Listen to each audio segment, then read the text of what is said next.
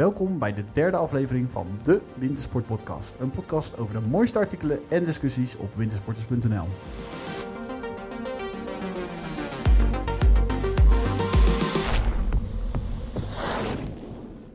Nummer drie alweer. Kleine week geleden dat we hier zaten, Arjen. We nemen deze eerder op. Ja, fijn. Want vandaag uh, hoest het van de regen. De, het waait hard en we moesten heel ver parkeren. Dus uh, ik heb er heel veel zin in. We, we zijn er helemaal klaar voor. Ja. ja ik ga morgen uh, weg, dus daarom kunnen we niet opnemen. Ik ga naar Landal. Ja, nou ja, dat is leuk. Waarschijnlijk nog niet in een skigebied, denk ik. Nee, nog niet in een skigebied. Ik ga nu ergens in Drenthe, maar ja, Landal. Weet je, ik kwam me vroeger nooit, moet ik zeggen.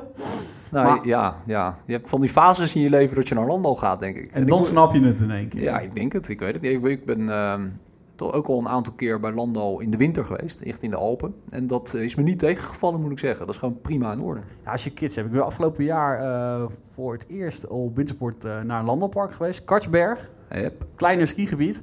Maar dan heb je toch wel door van hoe ontzettend briljant zo'n formule is als je kinderen hebt. Gewoon aan de piste, ski-in, ski-uit bijna. Uh, allemaal faciliteiten voor kinderen, speelparkjes. Uh, echt wel vet gedaan. Ja, ze hebben natuurlijk aardig wat parken in Oostenrijk. En dat blijft natuurlijk wel het populairste vakantieland voor de Nederlandse wintersport En het is in Oostenrijk gewoon heel moeilijk om accommodatie direct aan de piste te vinden. op de een of andere manier krijgen ze dat dan toch voor elkaar om die park op, op echt hele goede ja. plekken te zetten. Ja. Dus uh, een voorbeeld van is, het ligt niet in de Alpen, bijvoorbeeld Winterberg. Nou, daar hebben ze een plek dat je denkt hoe krijg je het voor elkaar? Aan de piste, super groot park. Dus op de een of andere manier hebben ze qua projectontwikkeling dat wel voor elkaar. Ja. Maar er zit wel een prijskaartje aan. Want ik, ik zat net voor de voorjaarsvakantie en nou, je wordt echt letterlijk geslag bijna van als je... Nou ja, het is wat duurder dan gemiddeld. Maar het, ik, ik moet wel zeggen, van het, het, ja, het is duurder dan een normale accommodatie.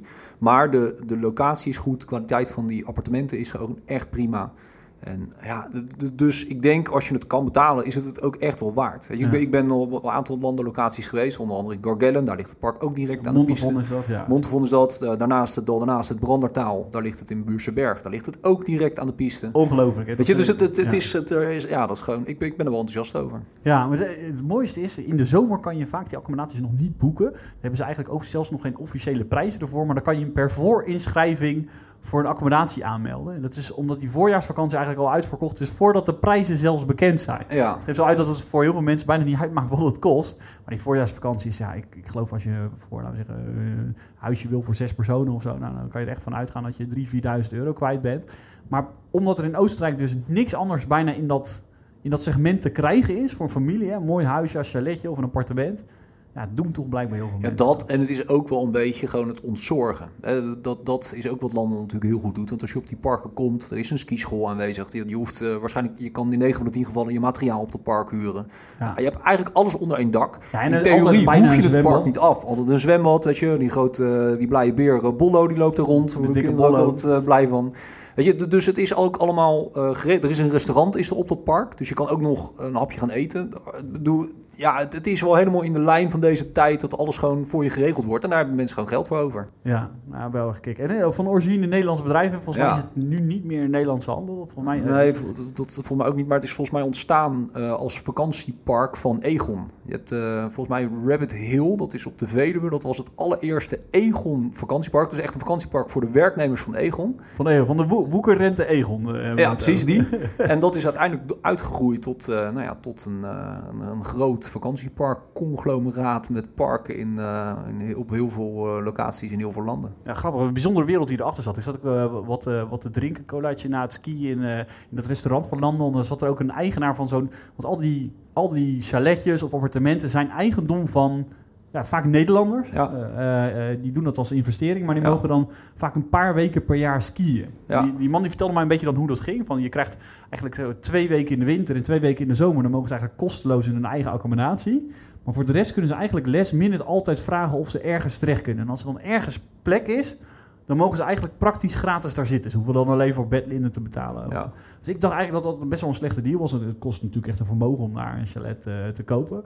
Uh, en dan vaak kan je dus niet eens skiën, maar dat valt dus eigenlijk wel heel erg mee. Nee, dat, dat valt reuze mee. systeem zit erachter. Precies, want al die vakantieparken die worden natuurlijk gefinancierd eigenlijk met, ja, met uh, particulier geld. Hè, van mensen die dus een, een appartement of zo'n huisje daar kopen. En ja, daar moet je natuurlijk wel aantrekkelijk genoeg voor maken. En nog even los van, uh, van de koude cijfers, als hoeveel rendement uh, maak je erop. Is dit toch, zijn dit toch vaak mensen die dit doen die toch ook echt een wintersporter zijn? Want anders zijn er natuurlijk duizenden en een andere mogelijkheden om je geld te beleggen, die misschien nog veel interessanter zijn. Maar je doet dit natuurlijk omdat je toch dan naar de bergen kan. Ja. En dan is een, een normaal vakantiehuis misschien te veel gedoe. Hè, want hier is ook weer, uh, nou ja, dat ontzorgen, alles wordt natuurlijk voor je geregeld. De verhuur wordt voor je geregeld, uh, weet je, dat soort dingen. Dus je hebt er dan ook relatief weinig omkijken naar. Ja, en dus de, die man die, uh, die ik sprak, die had dus meerdere huizen in meerdere skigebieden. die vertelde me een beetje ook met de gedachte hoe hij die huizen aanschaft. En uh, een voorbeeld daarvan is in, uh, in Saalbach, in, geloof ik in Vierhoven. Hè. Dus ja, als je het, daal, ja. het dal van Saalbach Interclaim inrijdt, helemaal aan het begin, ligt daar een landenpark. En eigenlijk ligt dat helemaal niet op zo'n ideale plek. Als in ja, een beetje een uiteinde van het nog, skigebied. Nog niet. Nee, nog exact. Niet. En die man die, die wist al van die plannen, we zeggen, die plannen liggen al langer op tafel. Heel veel mensen dachten dat gaat er nooit komen. Maar hij dacht van dat gaat er komen. Zo'n ski, die verbinding met Zell am Zee, uh, daar, dat is eigenlijk precies in de kern waar dat park komt te liggen. Ja. En straks ligt het in één keer echt in het hart van het skigebied. En heeft hij dus gewoon een, nou ja, een belang in een, in een park wat, wat gewoon op een nummer 1 positie nee, ligt, terwijl het nu nummer 3 is. Ja. maar. Nee, dat dus, klopt. Uh, wel grappig. Ja, overigens wel, uh, we krijgen hier niet voor betaald. Maar ik ben wel, ik ben wel fan van landen. Ondanks het prijskaartje denk ik dat ze echt dat nou ja, ze hebben gewoon, ze hebben, zijn ze op hebben een Nederlands bedrijf. Product. Ze hebben ja. absoluut gewoon een goed product. En dat, uh, ik ben van de winter ook weer in Landal geweest, in, in Lipno. Dat is dus niet in de Alpen, maar in Tsjechië. En dat was ook wel een bijzondere ervaring, moet ik zeggen. Top. Dat is natuurlijk wel een ander type bestemming. Dat is wat, wat nou, gewoon simpelweg wat goedkoper. Maar wel heel interessant. En, goedkoper van op, op elk vlak? Uh, ja, ja, op elk vlak. De, nou ja, ja. Kijk, de, de, de, de liftpassen uh, die zijn uh, in absolute zin goedkoper. En dan betaal je bijvoorbeeld voor een volwassen pas betaal je daar 150 euro voor 6, 7 dagen. Dat, dat, is dus wel goedkoper dan in de Alpen. Want in de Alpen is het minimaal vanaf 200, 220 euro. Ja. Alleen is het wel zo natuurlijk dat die skigebieden daar natuurlijk veel, veel kleiner zijn. Het is, ja. In Liepno heb je drie stoeltjesliften, prima stoeltjesliften. Maar het gebiedje zelf heeft een kilometer of ik denk 9 of 10 kilometer piste. Wat ook totaal niet uh, Dat is bijna alleen is. geschikt voor als je echt in de kleine kinderen Voor pure beginners en voor families met kleine kids is het ideaal. Hey, maar het, je, het is niet zoals op de piste. Wat, uh, wat ben je dan kwijt? Een eurotje of vier. Ja, ja. ja dus dat is echt wel relaxed. Ik verbaas me eigenlijk altijd in Oostenrijk van hoe goedkoop het kan zijn in vergelijking met Nederland. Hè. Dan ja. dikke schnitzel ja. ben je voor een tientje soms klaar. Denk van hoe krijg je dit voor elkaar voor 4 euro? Dat is nee, dan... ja, dat is, dat is ideaal. En het, weet je, het, het is gewoon echt prima. En s'avonds ook. Ik bedoel, dat liep nou, dat is een, uh, is een, is een uh, oud dorpje, maar daar is een soort recreatiedorp naast gebouwd. En dat is in de zomer bijna groter dan in de winter. Het ligt ook aan een meer en in de zomer zijn er natuurlijk veel watersportactiviteiten. Maar uh, je kan dus ook in dat, uh, in dat recreatiedorp, wat wel de uitstraling heeft van een echt dorp, kan je dus ook prima eten. Daar heb je een stuk of, weet ik veel, een stuk of 12, 13 restaurants. Alleen als je daar dus in een hoogseizoen week komt, dan moet je eigenlijk op de eerste dag gewoon iedere dag alvast je restaurant reserveren. Want het is zo goedkoop dat iedereen denkt die op vakantie is, ja, ik ga echt niet koken voor dat geld, weet je. Dus ik ga gewoon lekker iedere dag uit eten. Ja, ja weet je, noem maar een Nederlander, maar ik vind het een geweldig concept. Ja, want als je dus niet op je geld hoeft te letten, omdat je, je kan elke dag uit eten. Want ik bedoel, dat zou hetzelfde kosten als je in Oostenrijk naar de su supermarkt gaat om zelf je eten te halen. Ja. Wow, dat is echt wel. Als, als daar nou een skigebied tegenover zou staan, dat je denkt van. Uh, poeh, hey, dat, uh, dat is echt wat. Dan... Ja, ja, nou ja, dat, dat is de vraag. Hè. Kijk, ik denk dat dit soort gebieden ook uh, heel goed. Um, werk omdat het voor een bepaalde doelgroep geschikt is. Bedoel, als je echt een, uitdagende, een uitdagend skigebied wil, dan ga je daar niet naartoe. Weet je, het, zijn allemaal, het heeft een beetje uh, Sauerland gevoel. De bergen zijn niet hoog, het zijn allemaal afgeplatte heuvels. Uh, het is ook vaak... Uh, je moet hopen dat er, dat er natuursneeuw ligt, maar de sneeuwkanonnen zijn prima op orde, dus er kan altijd geskiet worden. Maar daardoor ja, is het wel heel interessant om, uh, om omheen te gaan. Voor als je met kleine kids bent, heb je gewoon niet meer nodig. En veel Nederlanders? Jawel, ja, veel Nederlanders, maar toch ook wel veel Duitsers en ook wel veel Tsjechen. Uh, ja, daar is het ook een hele populaire bestemming voor. Dus Want heerst echt een Oostblokgevoel, zeg maar? Nee, nee joh. Nee, ja, wat, wat is een Oostblokgevoel? Weet je, ja, je ja. hoort wel eens van ja, de Tsjechië, daar zijn de wegen slecht. Nou, die, dat is echt, weet je, dat is heel lang, heel lang geleden dat ze Ja, nee, maar precies. Dat is helemaal, dat, dat is echt prima het enige Oostblokgevoel wat ik erbij kreeg, is dat ik van de taal helemaal niks begrijp. Ja, ja, en, en dat sommige uh, mensen die daar in het toerisme werken ook um, slecht Engels spreken. Dus dat is af en toe een beetje handen voeten. Maar aan echt, dat is ook wel weer leuk. Ja, ik weet niet. Dat, uh, Wordt wij, hè, die had ook een interessant verhaal eigenlijk over uh, een Pools skigebied wat de concurrentie met Tsjechië aan moet gaan. Dus die meeste Tsjechische skigebieden die wij kennen, dat is eigenlijk niet waar jij bent geweest, maar die liggen meer in het Reuzengebergte. Ja, die liggen meer in het noorden, want de Lipno ligt in Bohemen, dus dat ligt tegen de Oostenrijkse grens aan. Maar de grotere skigebieden van Tsjechië, zoals Pekpot, uh, Sneskau, Splingeluf, uh, dat, dat soort onuitspreekbare namen, die liggen allemaal een beetje in het noorden, ten noorden van Praag. En Lipno ligt in het zuiden van Praag. En daar heb je skigebieden die, hè, van het, laten we zeggen, het is Sauerland Plus waarschijnlijk. Ja, een beetje Zwarte Woud. Zwarte Woud. dus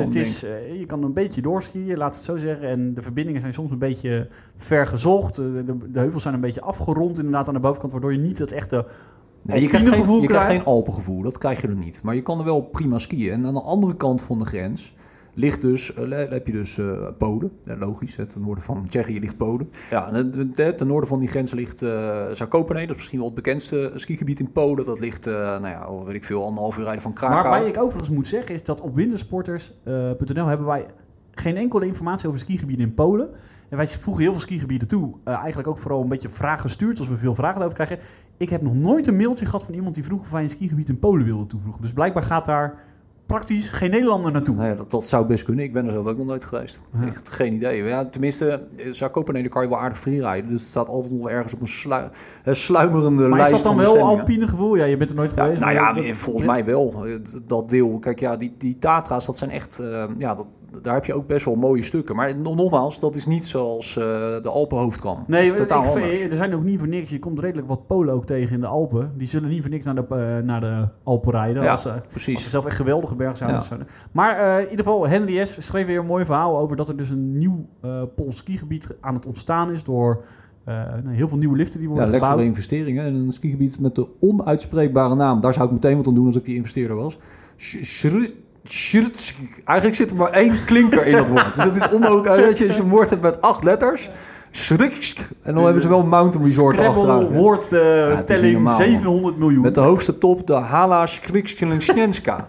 en die ligt op 1100 meter hoog. Klinkt heel goed. Ja, waarschijnlijk ja. moet je daar heel veel lokale drank voor drinken. En dan spreek je dat allemaal vloeiend ja, uit. Nou maar ja, dan maak ik er zoveel voor. Dan zit ik er waarschijnlijk zoveel allemaal klinkers tussen. Maar dat, dat, kijk, ook dat is een gebied. Daar, daar gaan ze nu dan flink wat geld in pompen. Er worden veel nieuwe liften gebouwd. Uh, dan zie je het pistekaartje. Dan hebben ze waarschijnlijk een liftje of acht hebben ze daar staan. Maar ja, dat is natuurlijk ook niet dan het, het ding uh, waarop je een keuze maakt van... goh, dan ga ik nu naar Polen. Omdat dat dan zo'n fantastisch skigebied is. Nee, Weet je, vaak met dat soort bestemmingen ga je er eigenlijk alleen maar naartoe... omdat het wat goedkoper is, dat is één. En misschien ook om een stukje andere culturele ervaring mee ja, te pakken. maar in een regel zie je dat heel weinig mensen echt voor die culturele erva uh, ervaring gaan. Dus dan moet de prijs het bewijzen. De prijs is belangrijk, ja. En dan de rest maar hoe, hoe goedkoop is het dan? Kan je voor minder dan 100 euro daar een week genieten, zeg maar? Ja, dat, dat, lijkt me niet. Nee, dat, dat waarschijnlijk niet. Maar... Dus ja, wat maakt het dan anders dan zo? Ja, ja kijk, uh, en die schrijft ook in zijn artikel dat de skipas 80 euro gaat kosten voor een week. Ja, dat ja, is echt goedkoop. Dat is echt heel goedkoop. En als je dan met, uh, met drie kinderen daar naartoe gaat, ja, dat scheelt natuurlijk wel een slok een borrel. Dan ben je wel met z'n allen in de bergen, wel met z'n allen lekker aan het skiën. Maar je betaalt relatief weinig. Ja. Dus ja, natuurlijk heeft het, is er een markt voor, maar de, ja, de echte massa zal daar nooit naartoe gaan. Ja, want die echte massa die kan ook altijd nou, namelijk wel een goede deal vinden bij een tour operator gewoon. Natuurlijk man, kijk, uh, dat, ja, er zijn ook zat skigebieden waar je voor, uh, voor minder dan 200 euro voor een week terecht kan uh, in, in de Alpen, in Frankrijk of nou, vaak in Frankrijk eigenlijk. Schreef ook een verhaal over, heeft eerst in het magazine gestaan en nu ook op de website eigenlijk van uh, ja, voor 200 op wintersport, voor 200 euro op wintersport, hoe is het mogelijk? Ja. Waarbij Roel eigenlijk een soort van kijkje achter de schermen neemt bij een tour operator om hoe die prijs dan tot stand komt, hoe je in hemelsnaam voor 200 euro mensen een Ja. week lang ergens heen kan sturen. Ja. Maar het is eigenlijk niet zo ingewikkeld, maar uh, Nee. verbaast mij toch dat heel veel mensen daar nog niet helemaal inzicht in hebben hoe die wereld werkt. Maar maar hoe, hoe, hoe erg is dat? Ik bedoel, Ja. Heel eerlijk, toen ik, eh, toen ik zeg maar budgetreizen eh, zelf boekte, toen was ik jaar 15, 16, 17, eh, in, eh, tijdens mijn studietijd. Je dacht, dan denk je er toch geen seconde over na hoe die prijs tot stand komt. Je weet, je ziet alleen maar staan, ik kan voor 100 euro naar Le Corbusier. Met een bus, een appartement en een liftpas. Ja, En dan denk ik bij mezelf niet te veel vragen stellen, maar Ja. boeken. Mijn allereerste uh, skivakantie die ik zelf boekte, ik ging mee met mijn ouders eerst, maar was, eh, ik denk nou, ik een jaartje of 17, 18 was, naar Flaine. Aha. Flaine in eh, Grand Massif. En eh, ik vond de factuur nog, en dat was dan 175 gulden, Ja. was het. Ja. Weet je, dat je, Ja. dan ging je gewoon een week skiën. Dan zat je dus in een hotel met half pension. Oh, je had half pensioen zelfs. Nee, ik, bij mijn eerste eh, nou, zeg maar budgetreis was ik, volgens mij was ik 15. Gingen we met vrienden naar Rizou een week. Eigenlijk als ik er al over terugdenk, van was 15 jaar dat mijn ouders me hebben laten gaan, maar goed. Dan gingen we naar Rizou en dan betaalde je ook, nou ja, ik noem maar even een bedrag, minder dan 300 gulden. Voor een, een, een week lang in Rizou in een appartement. En dat was dan echt zo'n typisch, ja, klein Frans appartement. Hè. Als je op de wc zat, kon je meteen zeg maar, de waterkoker aanzetten in de keuken. Dus dat was wel ideaal. Maar zes dagen liftpas en een busreis. Maar ja, joh, wij met, met, met acht, acht gasten daarheen. Ja, dat, dat was ja, natuurlijk... Maakt niet uit. Nee. Maakt niet uit hoe de bedden eruit zien, hoe de maar Nee, natuurlijk niet, man. Je bent lekker aan het skiën en het is uh, ja. lekker een biertje aan het drinken. En uh, je hebt vooral heel veel lol met elkaar. maar we moesten op een gegeven moment moesten we terug. En dan heb je natuurlijk altijd zo'n wisseldag met die budgetaccommodaties. Dan moet je op zaterdagochtend, moet je dan voor negen of zo, moet je dat appartement uit zijn. Mag je nog even skiën misschien? Ja, dan nee. Ja, nou ja, dat is wel slim, want die, wordt, die bus komt vaak pas om vijf uur s middag. Ja, want je rijdt natuurlijk s'nachts. Dus uh, nou ja, wij die berg op. Maar dat Rizou, dat, is, um, dat bestaat uit een aantal delen. En wij uh, hadden van de buschauffeur begrepen dat hij ons op zou pikken op dezelfde plek dan waar hij ons af had gezet. Dus uh, nou ja, uiteindelijk uh, nog even wat kebab gehaald uh, voor de terugreis. Dus zeven uur zouden we weggaan. Dus, dus hadden, ik begrijp dat ze een toilet in de bus hadden. Ja, ja maar goed. Ja, maar die, die, ja dan komt hij. Kijk, dus die, het was vijf voor zeven. Wij kwamen dus aanlopen bij die, bij die plek. Geen bus te vinden. Nou ja, goed, dan ben je 15, je spreekt nog nou niet echt vloeiend Frans. En, en, dan moet je dus gaan zoeken naar die bus in dat dorp. Maar dan moet je je voorstellen dat dat is een tijd van Rizou. Er werden bijna alleen maar van dat soort reizen aan aangeboden. Dus er stonden gewoon iets van 40 van die touringcars in het dorp. Gokken in Allemaal verschillende hoogtes. En nou, toen was het inmiddels, was het geen vijf uur meer, maar toen was het inmiddels al half acht. En we hadden nog steeds die bus niet gevonden. Maar we hadden ook natuurlijk nog geen mobiele telefoons. Dus op een gegeven moment uh, waren we helemaal uitgewaaid over het dorp. En toen was er dus nog één bus van, uh, dat was de MBBS uh, bestond toen nog. We waren met de MBBS, één bus van MBBS reizen. Die ons dan, uh, die waren nog al uren naar ons op zoek. En kwaad, jongen, kwaad. En die mensen die bus natuurlijk ook uh, onwijs kwaad. Maar ja, goed, ja, wisten, wisten wij veel. Wij konden er voor ons gevoel weinig aan doen. En uh, nou ja, dus we acht, kwamen... acht lamme gasten maar. Nee, we hadden niet eens gedronken, maar je moet wel, uh, ja, je moet wel voor je zien dat, uh, dat, we, ja, dat we niet, we zijn niet echt op ons mondje gevallen. Dus een van mijn vrienden die snoeide met, met, met wat harde opmerkingen bij het binnenkomen van de bus. Iedereen meteen de mond, dus niemand durfde zijn mond erover te trekken. en toen werden we door die bus meegenomen. Maar dat was dus ook niet onze eigen bus. We werden uiteindelijk afgezet in het dal, weet ik veel, in, weet ik veel hoe die dorpen daar heten, in de buurt van Briançon ergens. En daar stond onze...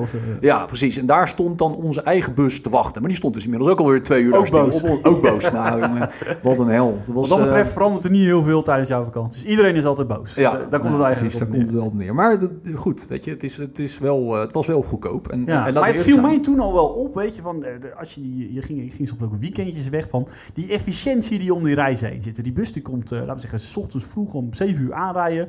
Dan lozen ze veel Nederlanders die dan in zo'n bagagehok worden gestopt. En dan mogen ze zich verkleden en een dag gaan skiën.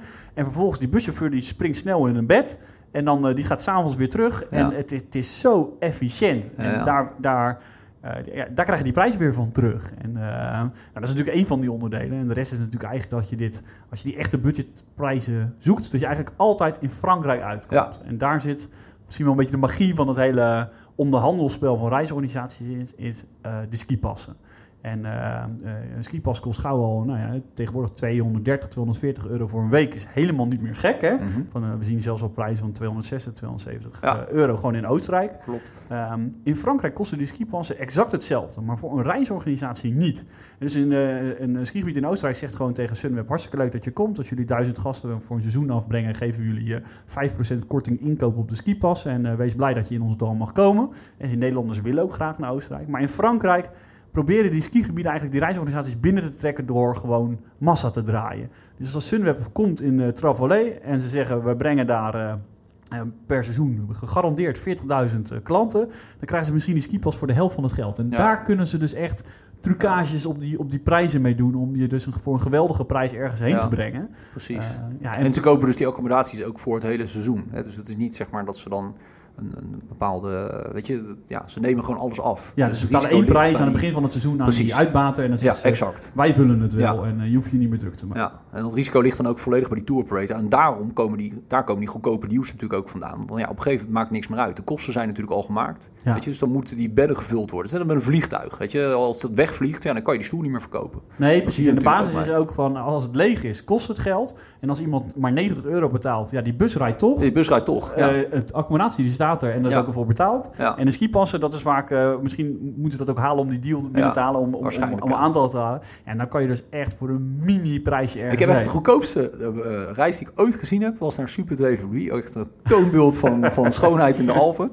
Maar goed, dat was dus bus, appartement, liftpas, zes dagen voor 49 euro. Ja, dat dus twee uur skiën in Snowworld was duurder dan zes dagen skiën in de Franse Alpen. Nou ja, je weet dus nu precies waardoor dat dan kan. Maar het is, het gaat natuurlijk absurd. Van, ja. ik, ik, moet wel zeggen dat ik in, uh, nou, tot, uh, tot en met mijn 25ste het echt mega veel heb gedaan. Uh, skigebieden naar Le Menier, Flaine, Le Corbier. Echt skigebieden. En nou, Le Corbier vond ik wel een beetje echt de, de meest absurde versie. Is Sun, Sundio, het bedrijf achter Sunweb, had echt door van... dit is een skigebied waaraan wij kunnen bouwen. Dus met het skigebied ging het niet super. -huh. Sundio die komt daar. Nou, dat is een beetje een soort van als de rennende engel. Er zijn daar een paar hotels die niet... Nou, laten we zeggen, de ver bladdert een beetje af. Uh, de uitbater is er ook wel een beetje klaar mee. Of er zit een organisatie achter. En uh, Sun, Sunweb heeft eigenlijk gezegd... wij kopen daar gewoon een paar hotels. Echt voor een appel en een ei kopen ze zo'n hotel. Die zetten ze gewoon vol met, nou ja, of stagiaires of jonge lui die gewoon een seizoen in de sneeuw willen werken. Ja. Dus al het personeel is Nederlands. Die accommodatie is eigenlijk ook wel afbetaald. Dus dan kom je in een situatie waarbij ze, nou ja, zo erg kunnen spelen met die prijs. Ja, ik kwam daaruit, uh, of ik kwam daar aan. Dat was gewoon, nou ja, echt uh, hossen gewoon. Je werd gewoon in een, in een bagagehok geduwd, dan er weer eruit. Maar dat komt voor zo'n minimaal prijsje. Maar ja, weet je, de apres-ski was bijvoorbeeld wel uh, boven de hotelkamer. Van dat zou ik nu absoluut niet meer trekken. Maar het, dat was gewoon geweldig. Ja, voor toen is het toch top. Weet je, ja. je zit voor weinig zit je in de Alpen. Dat is echt, echt te gek. Nee, heel cool. Ja. Oké. Okay. Hey, over skiën heel dicht bij huis. We hadden ook nog een verhaal over de Nederlandse berg. Ja de Nederlandse berg ooit een keer begonnen, geloof ik, eh, Thijs Zonneveld, hè? Ja, initiatief van Thijs inderdaad. Ja. Zonne is uh, ja, wielrenner. Volgens mij heeft hij het niet eens gedaan omdat hij echt een skiliefhebber is. Want volgens mij is hij dat niet eens. Maar wielrenner die wilde gewoon een mooie berg in Nederland. En die ging gewoon op onderzoek uit van, is dat nou echt realiseerbaar? Ja. Onder de hashtag die berg komt er. Maar hij is er nog niet. Nee, gaat hij ooit komen, denk je? Ja. ja ik denk van niet. Ja, Weet je, het is wensdenken. Ik zou ja, wel... man, het is toch, het is, weet je, het is leuk hoor. En we hebben toen, uh, een aantal jaar geleden, hebben we nog eens een interview met hem gedaan, ook voor een ander magazine. Toen dit, toen dit helemaal net speelde, hè, toen het echt een hype was en er zijn heel veel bureaus ook opgedoken en met een crowdfunding systeem erachter. En dat, die berg moest twee kilometer hoog worden. Ja, weet je, ja, ja, ja het, het, is echt, het is wensdenken, maar dan in de echte meest uh, pure vorm van het woord. Want ik denk, het, gaat nooit gebeuren, man. Dat gaat echt nooit gebeuren. Ja. Nou, weet je, aan de andere kant denk ik van hoeveel meter heb je nodig om een skigebied te maken? En natuurlijk, eh, als ik het vergelijk met Sauerland, hè, voor, mij uh, misschien wel de meest bijzondere skiregio die er is in, voor, voor Nederlandse wintersporters is. Het is op vier uurtjes rijden van Utrecht, drie uurtjes van de grens. En uh, vorig jaar zijn ze volgens mij drie, drieënhalve maand non-stop open geweest hoogte tot 800 meter. Ja, met een hoogteverschil misschien van een paar honderd meter. Van een paar honderd meter. Precies. Van als je ziet met hoe nou ja, veel middelen inmiddels, want er staat gewoon daar, aan, daar staat aan liften uh, in Winterberg alleen al waar menig Oostenrijk skigebied alleen maar van kan dromen. Alleen maar acht zitters, zes zitters, uh, modernste liften die er zijn. Oké, maar waar wil je naartoe? Want, nou ja, uh, ik, ik, probeer dat kostenplaatje te bedenken. Kijk, de bekend spreekwoord ja, in, in nee. Winterberg is altijd... we hoeven alleen maar de heuvels hier wit te verven of de Nederlandse files, die, die, die, die, die staan direct bij het dorp. Ja, we brauchen die bergen nur weiß zu, zu malen und komen die Hollanders schön. Ja. Schon, schon. Dat zeggen en, ze dan. En iedereen lacht zich daar helemaal kapot om over het feit dat Nederlanders zo ja, ier zijn om, om daar te gaan skiën. Dan denk ik, als je dat nou dicht bij huis kan doen. Ja, kijk, 800 meter hoge berg. Als je het kostenplaatje bekijkt, dan sla je waarschijnlijk... Uh, in 2000 meter hoge berg. Weet je, dat, dat, dat slaat al helemaal nergens op. Het stelt dat dat ding lager wordt. Nou ja, dan ja, laten we zeggen, de haalbaarheid maar halen we iets dichterbij door hem lager te maken. Ja. Hoe vet zou het zijn als we Limburg onder een dikke laag uh, zand zouden leggen en daar gewoon een, uh,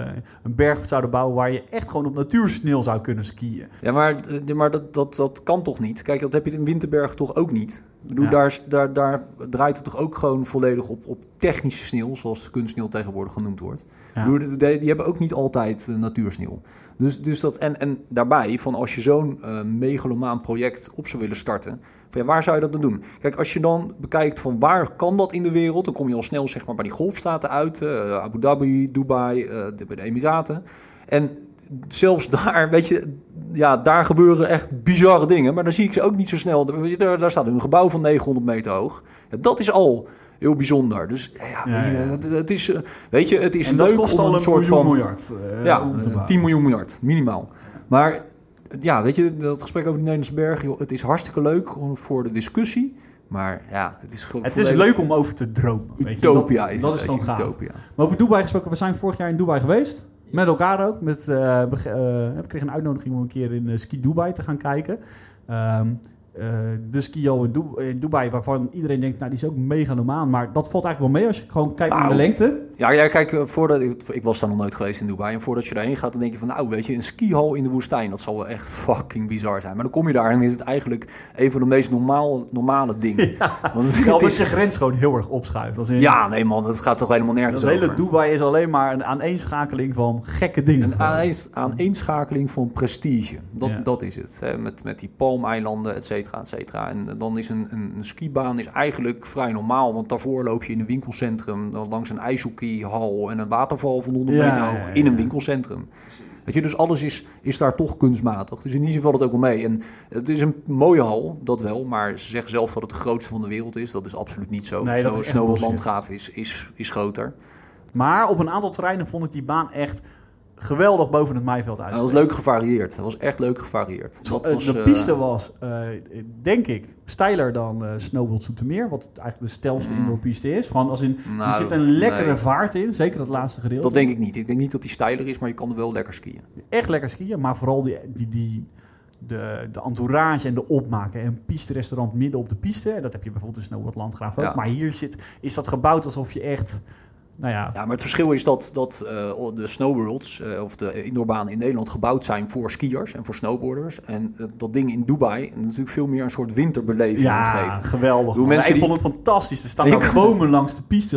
Alsof, je langs een bos Ja, je skiet. kon dat je er denkt, rodelen en? Je kan dat soort dingen. Weet je, en er, stond, er waren van die penguins. Nou, daar ben ik niet zo ja, erg levende pinguïns. eh, Dat vond ik dan ook wel in eh, grappig. Ik denk dat maar die die kan, daar kan je dus, hè, die, daar, die, nou ja, alles is te koop blijkbaar. Daar, die kon je dus knuffelen. Dan moest je wel flink eh, verlappen, maar dan kon je pinguïns Ja, gaan dat is eigenlijk het enige wat we niet hebben gedaan. Dat, Nee, eh, nee maar dat, dat, ja, dat is blijkbaar hoe het werkt in die golfstaat. En laten we eerlijk zijn, heel veel van die mensen die hebben nog nooit sneeuw gezien, überhaupt. En die zitten er misschien ook helemaal niet op te wachten. Nee, zo zag het ook wel eh, uit. Hè? Dus van, wij zagen eigenlijk alleen maar Europeanen. Wij waren er en een hoop andere, laten we zeggen, gewoon Europeanen die daar skiles kwamen volgen. Ja. Of kinderen die skiles kwamen Precies. nemen. Maar daar kwamen ook, nou ja, gewoon Arabieren.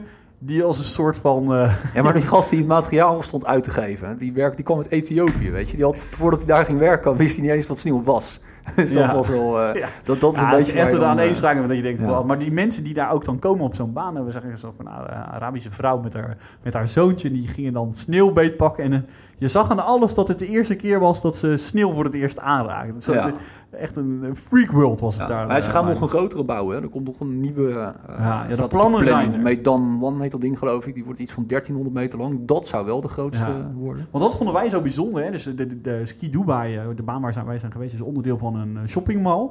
En de shoppingmall, dat heet volgens mij de Mall of the Emirates. Emirates. En, en Emirates. ehm, eh, eh, dat, dat was heel lang dan de grootste, het grootste winkelcentrum van de wereld. Maar inmiddels hebben ze dan vier, vijf kilometer verderop nog een veel grotere gema- eh, gebouwd. Ja, ja nee, maar daarom. Dus het is, het is allemaal prestige. Is Het het. gaat er gewoon weer overheen. En nu hebben ze Ja. dus eigenlijk weer een onderdeel bedacht in de stad verderop. Weer met een winkelcentrum, maar met een skipiste erbij van meer dan een kilometer Ja, lang. 1300 meter. Ja, dat wordt wel een echt. aardige jetser. Absurd als Met ook een, er stuk, ook een stuk zwarte piste erin. Maar goed, dat is natuurlijk... eh, hè, zwarte piste is wat... eh, de ene zwarte piste is de andere niet. is de andere niet. Hey, over zwarte pistes gesproken. we hadden een blog eh, gepubliceerd over de vijf moeilijkste afdalingen in Tirol. Ja, lekker man. Lekker, ja. Ging weer hard. Ging Ja, hard. tuurlijk. Ja, Iedereen als er iets subjectief is, dan zijn het wel pistes natuurlijk. Ja, hè? moeilijk afdaling. Zeker zwarte pistes. Maar wij doen er eigenlijk altijd heel luchtig over. Dus van, eh, wat is dan nog moeilijk? Op een gegeven moment als je oké kan skiën of goed kan skiën... dan is eigenlijk...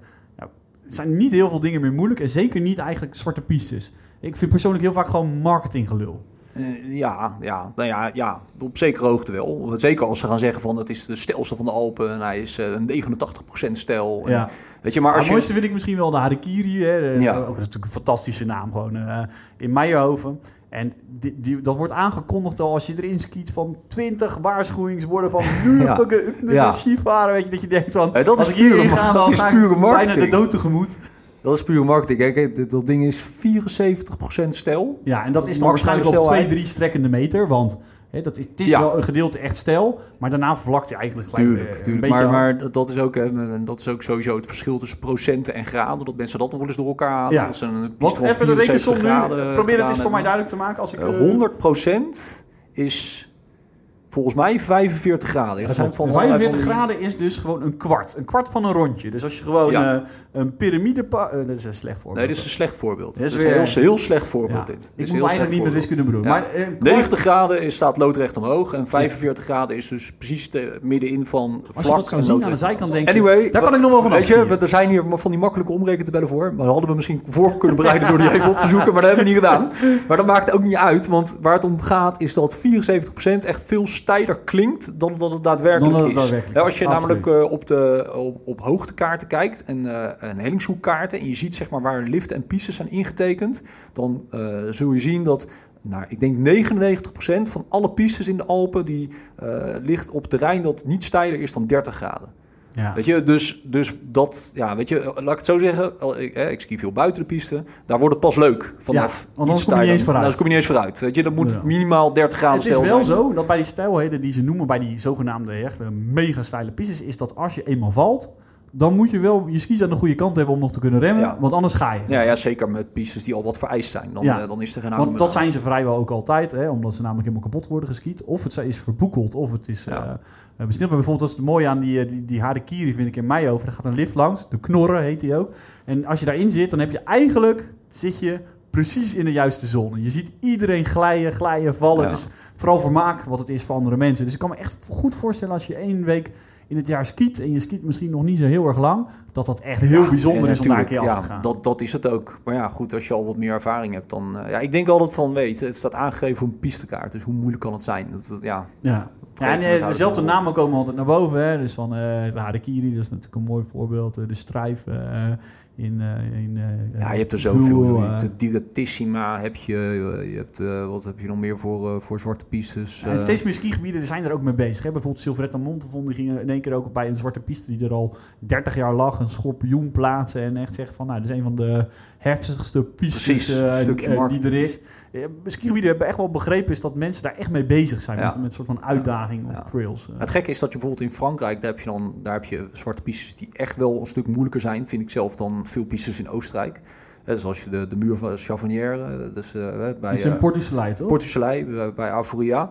Eh, dat is echt wel een serieuze, eh, verboekelde, steile helling. Eh, de tunnel in Alpe d'Huez is Ja. echt een lekkere, steile helling die ook vaak verboekeld is. Ja, die, zijn ook, die worden niet vaak geprepareerd. Nou de tunnel wordt überhaupt niet De geprepareerd. tunnel wordt überhaupt niet geprepareerd. En de misschien is het ook omdat die Fransen daar dus wat makkelijker in zijn. Ja, waardoor joh. het niet prepareren zorgt eigenlijk dat die veel heftiger aanvoelt. Ja, als het niet extreem is, komt het niet uit Frankrijk, zeggen ze volgens mij. Die Fransen hebben wat dat betreft een hoge dunk van zichzelf. En ergens ook wel terecht. Ergens ook wel Ja, het terecht. terrein is natuurlijk ook wel wat uitdagender, maar het is waarschijnlijk ook een beetje achterstand. Ja, nogmaals, het staat op een pistekaart. Dus Ja. eh, nou ben ik daar één keer gruwelijk mee de mist in gegaan. Nou, dat was ook niet waar, gruwelijk mee de mist in gegaan. Maar ik ben één keer, heb ik wel een keer soort van... eh, nou ja, tegen knikkende knieën aan op een piste gestaan, op een pistekaart. Maar dat was in Amerika, in Jackson Hole. Jackson Hole. Jacks, Jackson Hole, Wyoming. Jackson. Cowboy Country. Maar ehm, eh, daar heb je dus een, eh, een, een, een couloir, dat heet Corbett's Couloir. En dat staat dus ook aangegeven op de pistekaart. Wat een couloir is, leg een het couloir is een, eh, voor de mensen die, die niets met freeride hebben, een couloir is een smalle doorgang tussen de bergen. En dat is vrij steil en smal. Daar komt Ja, het eigenlijk Het op is een soort van half pijpje, maar dan heel smal. Ja, precies. Nou, en dat is, dat is tenminste dat is heel leuk om, eh, om te skiën. Tenminste, vind ik heel leuk. En Corbett's Couloir is de, is, staat dus als piste ingetekend op de kaart van Jackson Hole. Dus ja, dat is een, een, dat, een van de meest uitdagende pistes van Noord-Amerika. Er zijn al talloze artikelen over geschreven en er zelfs films over gemaakt. Maar ik dacht altijd wel van ja, weet je, het, is een, het staat aangegeven op een pistekaart. Hoe gevaarlijk, hoe stel kan het zijn? Maar dat is echt heel stel.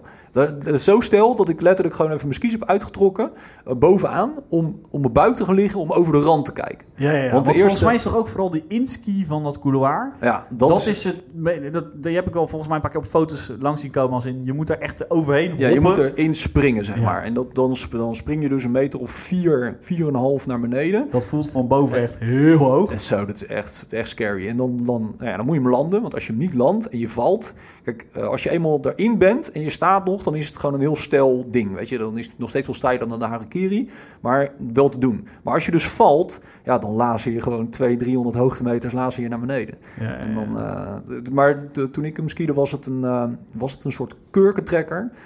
Dus je moest er inspringen en dan werd je eigenlijk met een soort Mach 3 werd je dat ding ingelanceerd. En dan moest je soort van net voor die wand een bocht maken op een ijzig stuk. En dan dus je balans naar voren en achter moest echt perfect zijn. Om man, man, man, hey, dat was wel even... Maar ja, ik denk van ja, hey, hoe vaak ben je in Jackson Ik moet hem gewoon doen. Ja. Dus... Uh, ja, als is het je laatste, dan heb je wel... Uh... Ja, nee, maar het was te gek. Het, als je hem dan gedaan hebt, dan kan je weer wat afstrepen. Ik moet ook zeggen dat ik niet heel vaak een moment heb gehad dat ik echt bang was op de skis. Ik heb één keertje in Valkardena een speciale tocht gedaan met een, met een uh, gids. De, wat bijna iedereen daar doet, van Mitsdi heet dat. Ja, dat is eigenlijk dwars door dat Sella-massief. Ja. Een stukje omhoog klimmen.